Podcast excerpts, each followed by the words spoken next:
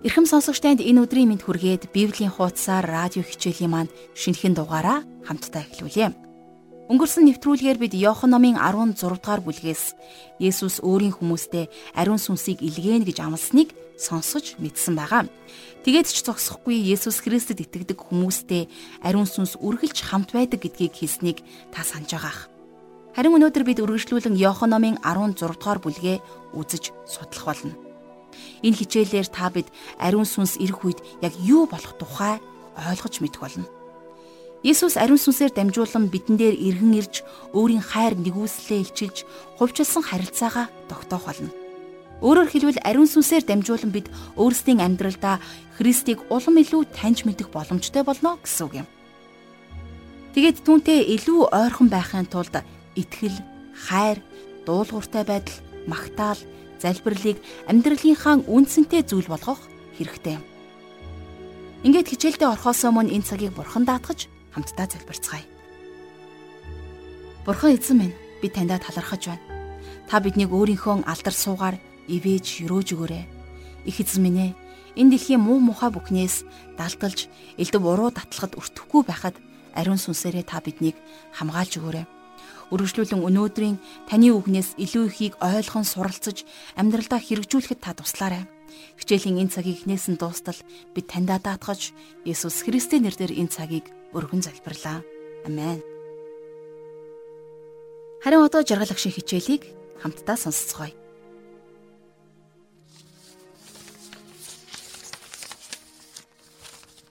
За тэгэхээр бид өмнөх хичээлээрээ ариун сүнс ирэх болно гэдэг тухай мэдэж авсан. Харин одоо ариун сүнс ирэх яг тэр үед тэрээр хид хідэн гайхамшгүүдийг үзүүлэх тухай мэдэж авах болно. За тэгэхээр энийг 16 дугаар бүлгийн 8-аас 11 дугаар ишлэлдэр ингэж бичсэн байна. За хамтдаа Иохны сайн мэдээ номныхоо 16 дугаар бүлгийн 8-аас 11 дугаар ишлэлийг харцгаая. Тэр эрэхтэй нүгэл зөвхт байдал хийгээд шүүлтийн талаар ертөнцийг зэмлэнэ.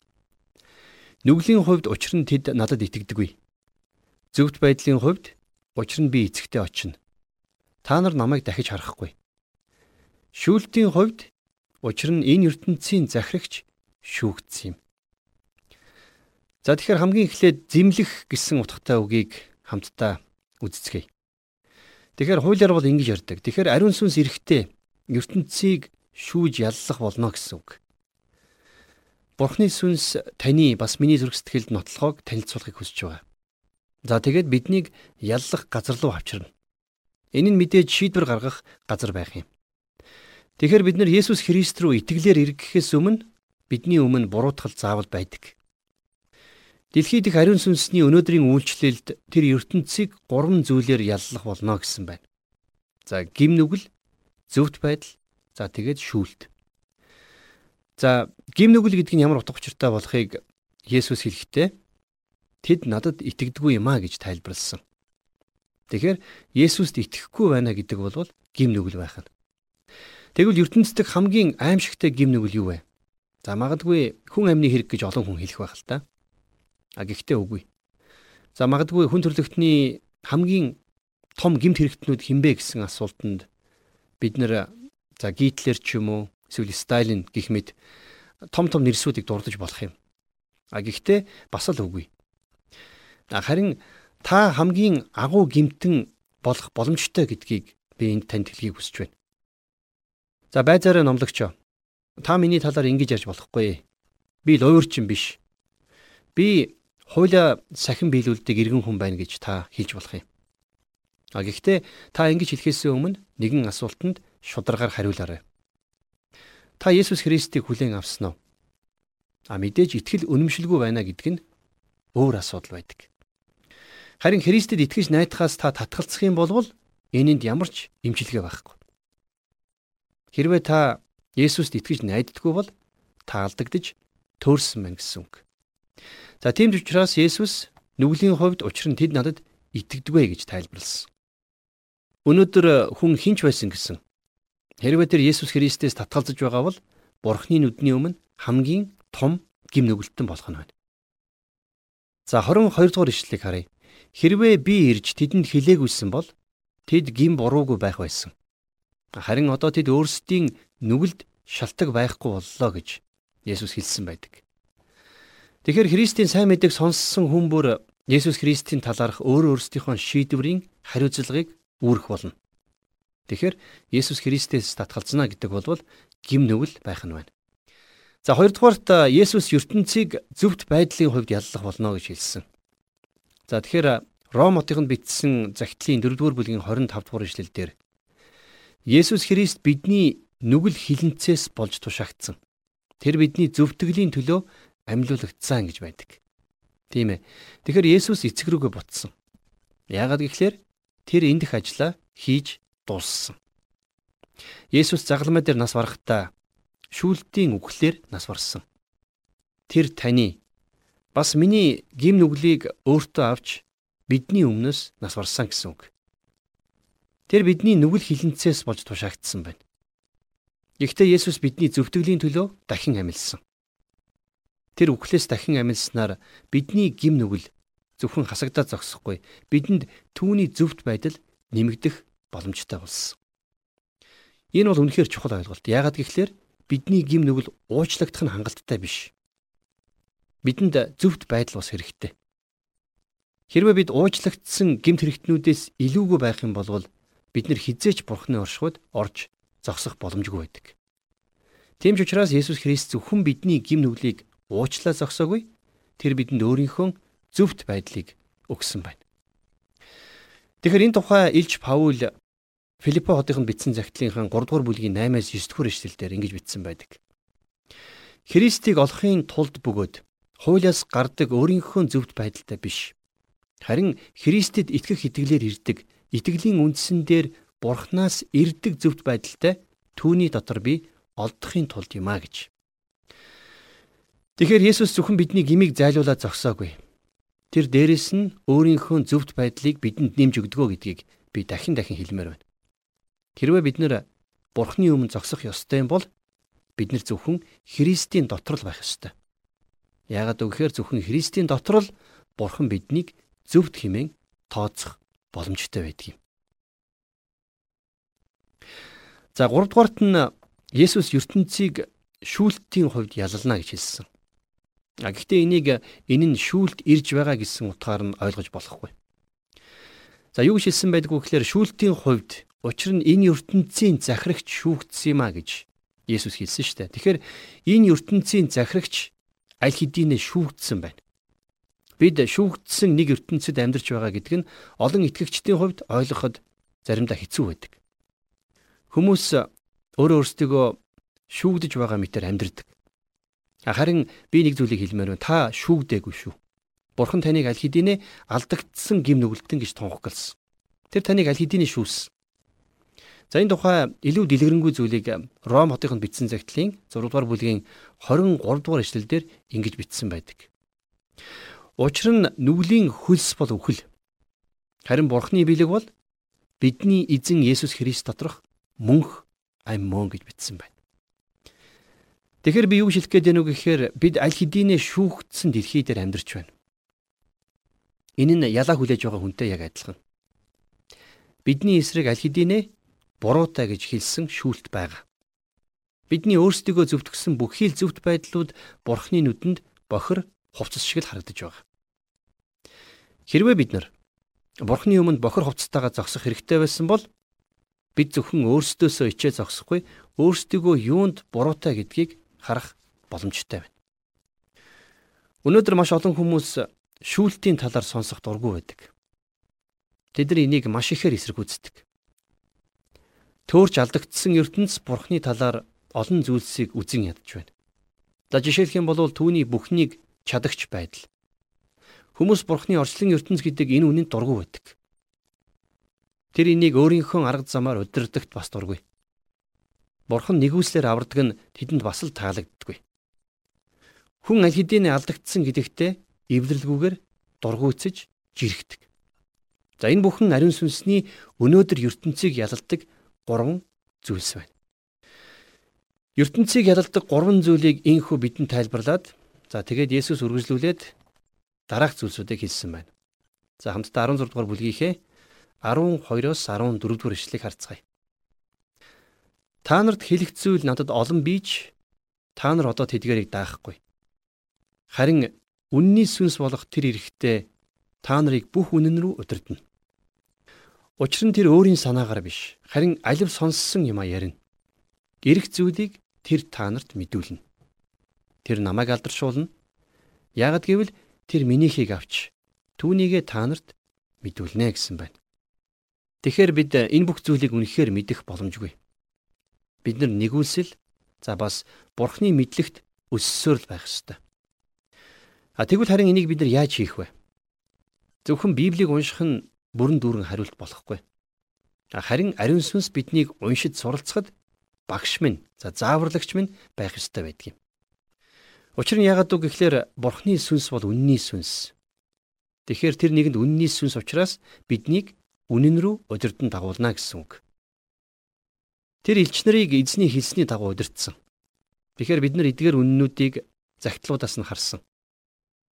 Бурхны ариун сүнс Пентекостийн өдөр эдгээр хүмүүс рүү ирсэн. Тэр тэднийг номлоход тэдний зохиолуудад аль алинд нь давхар удирдсан байдаг. Энэ нь элч нарт хэрхэн биелэгдсэнийг бид нар өнөөдөр Библиэс уншиж чадна. Ариун сүнсний үйлчлэл нь эзэн Есүс Христийн сургаалыг гүйцээхийн тулд байсан. Тийм учраас Паулийн бичсэн загтлууд Христийг алдаршуулж за түүнийг сүм чуулганы тэргүүн юмаа гэдгийг дахин батлан харуулдаг. Тэд нэр Есүсийн хаанчлалаа байгуулахаар дахин эрэх талаар урдчлан зөвгнөн хэлсэн байна. Тэгэхээр загтлууд нь Христийн үйлчлэлийн нэг хэсэг болж байгаа юм. Энэ загтлуудад ирээдүйд болох зүйлийн талаар ч гэсэн бас хэлсэн байдаг. За тухайлах юм бол илчлэлт номч гэсэн мөн л ариун сүнсний үнний илчлэлтээр за мөн ариун сүнсний онгод хүч чадлаар бичигдсэн ном. За тийм учраас бид нар энийг 7 алхам болгон хуваагаад за тэгээд тус бүрт нь тайлбарлан ярилцах хэрэгтэй. За нэгдүгüүрт нь ариун сүнс. Тэр бол үнний сүнс. Тэр Пентекостийн өдөр дагалдагч нар дээр ирсэн. За хоёрдугаарт нь ариун сүнс та биднийг бүх үнэн рүү удирдах болно. За гуравдугаарт нь ариун сүнс өөрийнхөө талаар ярихгүй харин дөрөвдүгээрт нь тэр өөрийн сонссон зүйлээ бидэнд ярих болно. За тавдугаарт нь тэр биднэрт эрэх зүйлсийг буюу ирээдүйд болох тэр үйл явдлуудыг харуулах болно. За 6 дугаарт нь ариун сүнс үргэлж Есүсийг алдаршуулж байдаг. За мөн 7 дугаар ариун сүнсний мөн чанар бол тэр Есүсийг хүлээн аваад тэгээд тэр бүхнийгээ биднэрт үзүүлэх болно гэж Есүс өөрийнхөө сургаалд айлдсан байна.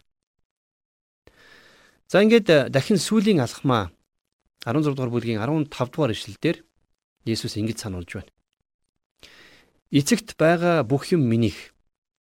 Тиймээс тэр минийхийг авч түүнийгээ та нарт мэдүүлнэ гэж би хэлсэн билээ гэж. За тэгвэл Илч Паул Коринт хотынд бичсэн 1-р загтлынхаа 2-р бүлгийн 9-оос 10 дугаар ишлүүд дээр гівч нүдэнд үзэгдээгүй, чихэн сонсогдоогүй. Хүний санаанд ороогүй юмсыг Бурхан өөрийг нь хайрладаг хүмүүст бэлтжээ. Бурхан үүнийг сүнсээр бидэнд илчилсэн. Учир нь сүнс бүх зүйлийг тэр байтугай Бурханы гүн юмсэгч гэсэн нэвтэлдэг аж ахуй гэсэн байна. Тэгэхээр үнэхээр сүнс бол Бурхны гүнзгий зүйлсийг мэддэг нэгэн. Тэр ганцаараа эдгээр зүйлсийг бидэнд үзүүлэн ойлгуулж чадна. Харин яаж гэдгийг хамтдаа 16 дугаар ишлээс харцгаая. Тун удахгүй та нар намайг цаашид харахгүй.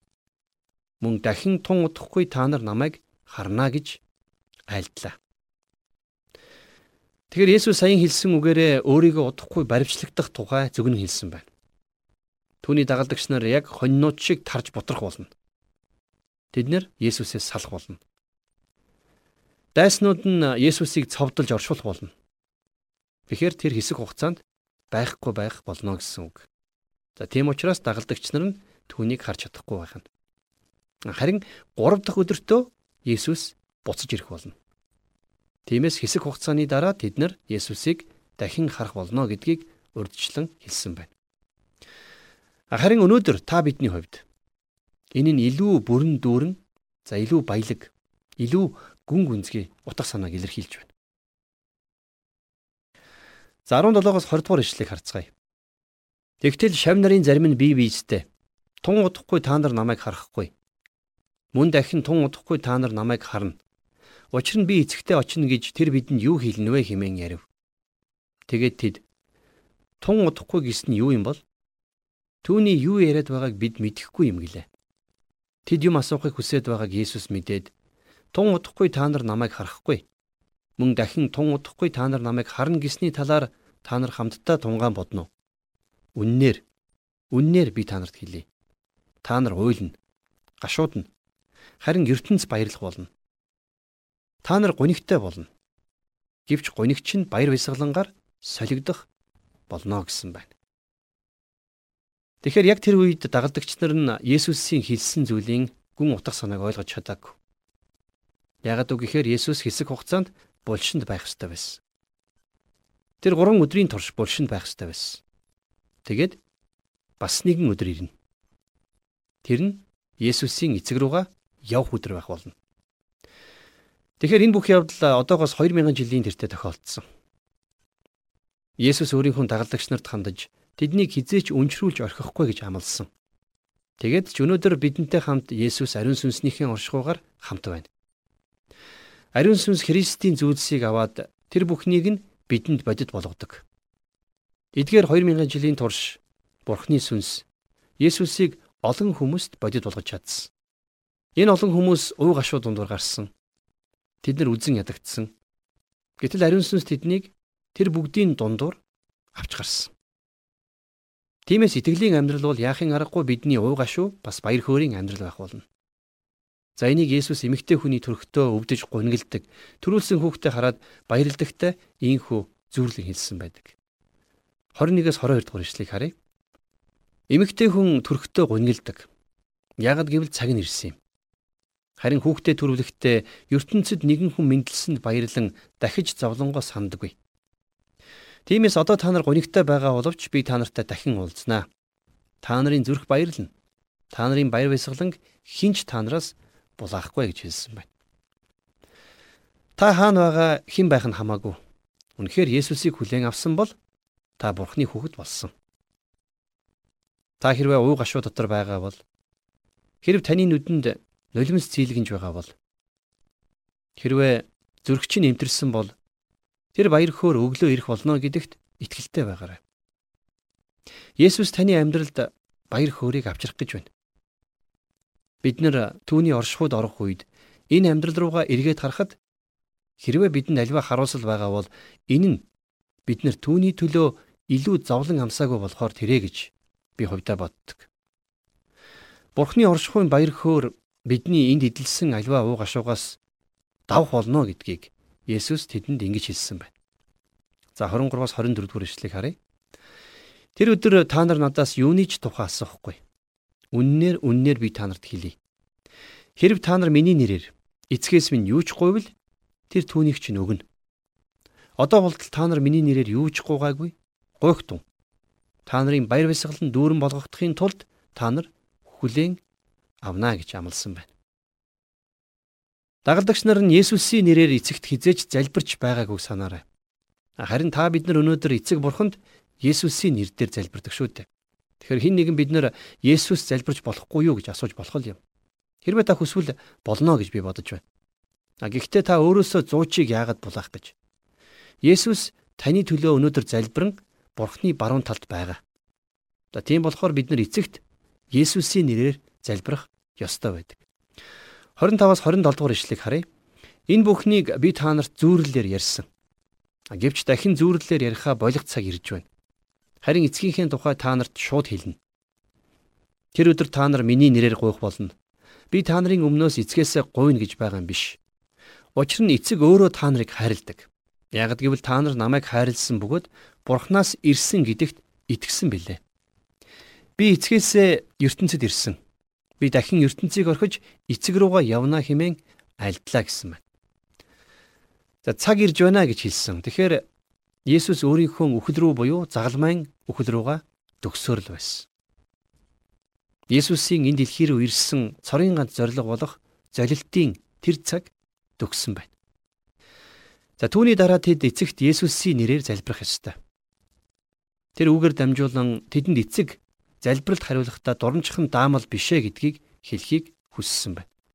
Тэр үнэндээ хэрвээ та нар намайг эцгээс та нарт сайн өгөөмөр хандахыг гуйх ёстой гэж бодож байгаа бол та нар буруу бодож байна. Би түүнээс та нарыг хайрл гэж гуйх албагүй. Тэр та нарыг аль хэдийнэ хайрладаг. Эцэг бурхан тийм хэцүү биш. Тэр биднийг хайрладаг. Тийм болохоор тэр миний нэрээр залбирах таны залбиралд хариулах болно гэж Есүс хэлж байна. Өнөөдөр бурхан залбирлыг сонсож хариулдаг. А гэхдээ тэрхүү залбирал Христийг хайрладаг. Түүнтэй нөхөрлөдөг. Түүнд дуулууртай байдаг нэгний зүрх сэтгэлээс гарах ёстой байдаг юм. За Иохны сайн мэдээ номны хамгийн гол ишлэл Иохан номын 20 дугаар бүлэг дээр байдаг. За энд ингэж бичсэн байдаг. Мөн энэ номд бичигдээгүй өөр олон тэмдгийг Есүс өөрийн шавнырын өмнө үзүүлсэн юм. Харин эдгээр нь Есүс бол Христ Бурхны хүү мөн гэдэгт та нарыг итгүүлэхийн тулд бичигдсэн бөгөөд ингэснээр итгэлээр дамжуулан та нар түүний нэрээр амьтай болох юмаа гэсэн байсан. Тэгэхээр мөнхийн эзэн ертөнцид нэгэн зорилгын төлөө ирсэн. Та биднийг золихын тулд. За тэгээд Есүс тэр даалгавраа гүйцэтгээд эцэг рүүгээ бутсан байна.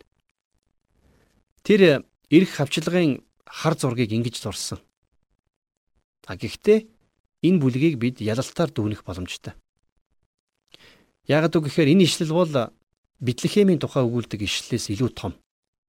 Ягд үг гэхээр энэ ишлэл биднийг үн мөнх рүү хүргэдэг. Орон зайн хил хязгааруудаас цааш Бурхны синтийн өмнө та биднийг авчирдгаа гэсэн үг. Тэгэд энэ нь Есүсийн энэ ертөнцийн өнгөрүүлсэн тэдгээр хидхэн агшнуудын талаар л ярьдаг. Есүс үн мөнхөөс гарч ирсэн. За тэгээд дараа нь тэр үн мөнх руугаа буцаад явсан. Тиймээс дагалдагч нар нь түүний ярьсныг ойлгосон байна.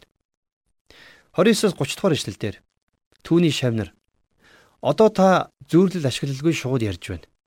Та бүх юмыг мэдэж хинч таныг шалгах шаардлагагүй маа гэдгийг бид одоо мэдлээ. Үүгээр чинь бид таныг Бурханаас ирсэн гэдэгт итгэж байна гэсэн байна. Тэгэхээр бидний хувьд бол эзэн Есүс махан биеэр ирсэн бурхан гэдгийг ойлгоход хялбар. Энэ агуу үзэл дагалдагч нарт ирж байна. Тэд нар баримтуудад итгэсэн. Тэд Есүсийг эцгээсээ ирсэн гэдгийг харсан. Тэр энэ дэлхий рүү ирсэн гэдгийг тэд нар ойлгож авсан байна. Есүс бол Месиа. Тэр бол эртнээс амлагдсан байсан эрх ёстой тэр аврагч. Гэхдээ л тэд Есүсийн туулах ёстой тэр үхлийн харанхуйг за тэгээд дахин амьлалтын үүдийг буцаад эцгийн алдар руу дээш өргөгдөх тухай ойлгохгүй хэврээл байсан. Тэгвэл энэ үйл явдлаас хойш 2000 жилийн дараа амьдарч байгаа та бид нар ч гэсэн энийг яг ойлгодог билүү? Тийм учраас Есүс өөрийнхөө дагалдагч нараа өөрийг нь эцэг рүү явах тэр үед тарж ботрох болно гэдгийг дахин сануулдаг. За 31-ээс 32 дугаар эшлэлдэр Есүс тэдэнд та нар одоо итгэж байна уу? Үзэгтэн та нар тарцгааж хүмбэр өөр өөрсдийн герт харж намайг ганцааран минь орхих цаг ирж байна. Энэ цаг аль хэдийнэ иржээ. Гисэн хэдийч би ганцаараа биш. Учир нь эцэг надтай хамт байдгаа гэсэн байна. Тэгэхээр Есүсийн дагалдагч нар түүнийг орхиж зайлж зүхтаах цаг ирж байна. А гэхдээ Есүс ганцаараа үлдээгүй байх нь байна. За энэ тухай илж Паул Коринтотынд бичсэн 2 дугаар загтлын 5-ын 19 дугаар эшлэлдэр Яагад гэвэл Бурхан дэлхийг Христ дотор өөртөөгөө эвлэрүүлж хүмүүсийн гин бурууг үл харгалзсан бөгөөд эвлэрлийн үгийг бидэнд даалгасан билээ гэж бичсэн байдаг. Тэгэхээр эндээс харах юм бол Есүс хизээч ганцаараа байгаагүй. Түүний Бурхан эцэг түүнтэй цаг ямагт хамт байсан. Бурхан ертөнцийг өөртөөгөө эвлэрүүлэн Христ дотор байсан гэдгийг маш тодорхой гайхамшигтайгаар дээр өгүүлсэн байна. За бид Маркийн сайн мэдээ номыг судалж байх явцдаа Есүсийн загалмай дээр өнгөрүүлсэн сүүлчийн мөчүүдийн тухай судалж суралцж авсан. Тэгэхээр энд хэлэгдсэн хэд хэдэн үгийг бас би энд дахин санаж дурдмаар байна. За Маркийн сайн мэдээ номны 15 дугаар бүлгийн 34 дугаар эшлэлдэр Есүс загалмай дээр байхдаа Элой, Элой, лама сабахтани за буюу орчуулах юм бол Миний бурхан, миний бурхан юунд та намайг орхив гэж хашгирсан байдаг. За тэгвэл энийг бас дуулал номын 22 дугаар бүлгийн 3 дугаар ишлэл дээр Израилийн магтаал дунд Синти залрагчаа та бол ариун юм гэж бас бичсэн байдаг. Тэгэхээр Есүс Христ бидний төлөө гин болсон яг тэр агшинд Бурхан ертөнцийг өөртөөгөө эвдрүүлэн Христ дотор байсан байна. За энэ нь хүний оюун санаа ойлгож чадхааргүй тийм нууцлаг зүйл. Бурхан тэр загламыг шөнөөр хужсанд гайх зүйл байдаг. Энэ нь та нар энд болж байгаа зүйл рүү хизээч орж чадахгүй гэж хэлж байгаа юм шиг санагддаг. Гэсэн ч эцэс төгсгөл гэж байхгүй үн мөнхийн турш та бид бидний төлөөх эзэн Есүсийн үхлийн талаар шин гайхамшигтай зүйлийг үргэлжлүүлэн ойлгосоор байх болно гэж би хувьдаа итгэдэг юм. Энэ гайхамшигыг Есүс дагалдагч нартаа ийн хэлсэн байдаг. За хамтдаа 33 дугаар ишлэгийг харцгаая. Миний дотор та нарыг амар амгалан байг гэж Би та нарт эдгээр зүйлсийг хэллээ. ертөнцид та нар зовлонтой байна. Гэвч зоригтой байх тун би ертөнцийг ялсан гэж альдлаа. Амар амгалан. Тэр амар тайвнаар дуусгадаг. Бурхны хүүхэд энэ амьдралдаа амар тайван байх боломжтой. Яагаад гэвэл амар тайван нь зөвхөн Христийн дотор л олддог. Өөр хаанч байхгүй.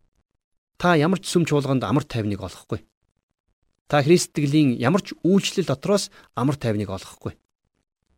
Та ямар ч сайн хүнээс амар тайвныг олохгүй. Амар тайвныг зөвхөн Есүс Христийн дотор л олох боломжтой.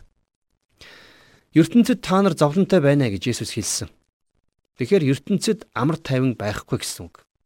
Энэ ертөнцийн амьдрал асуудал зовлонгоор дүүрэн байдаг. А гэхдээ нэгэн гайхамшигтай үннийг Есүс энд хэлсэн байна. Тэр ертөнцийг ялсан. Түүний ялалт бол бидний ялалт. Тэгэхээр бид нар өнөөдөр ялалтын амьдралын талаар олон удаа сонсдог. Харин ялалтын амьдралаар амьдрсан цорын ганц тэр нэгэн бол Есүс Христ байсан юм. Харин та бид нар өнөөдөр ингэж чадахгүй. Зөвхөн Есүсийг өөрсдийн дотор л амьдруулж чадна. Та бид өөрсдийгөө түүнтэй адилхаж сурахдаа Есүс рүү дотн нөхрөлөхөөр ирэхдээ зүрх сэтгэлдээ Бурхны амар тайвныг мэдэрч эхлэх болно. Энэ ертөнц дүүрэн зовлонтой. Харин бидний амьдралд Есүсийн өгөх тэр баяр хөөр байсаар байх болно.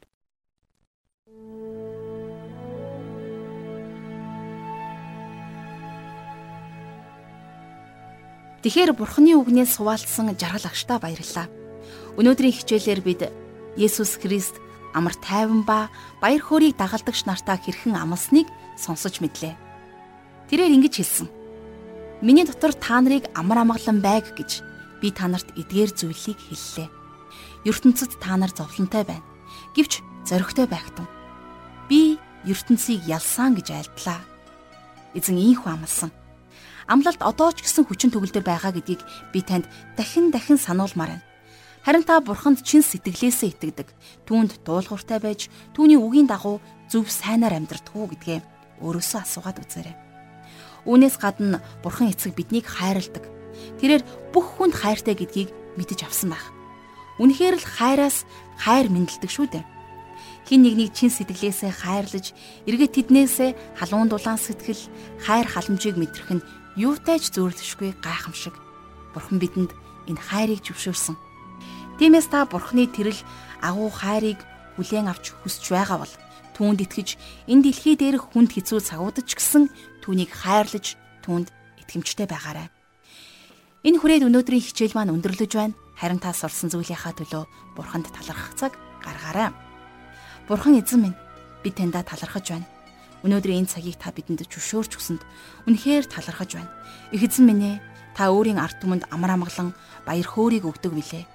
Таны нэр алдарч болтугай. Таны мэрэгэн ухаан, таны үгс үнэхээр гайхамшигтай. Таны нэр бидний амь амьдралаар дамжуулан алдаршигдах болтугай. Та биднийг үргэлжлүүлэн өөрийн алдар үйлсийнхээ төлөө, үйл хэргийнхээ төлөө та биднийг дуудаж, тосолж, тийхүү та хүчрхэгжүүлж өгөөрэй. Их эзэн минь би танд амь амьдралаа даатгаж, Есүс Христийн нэрээр залбирanгуйж байна. Амен.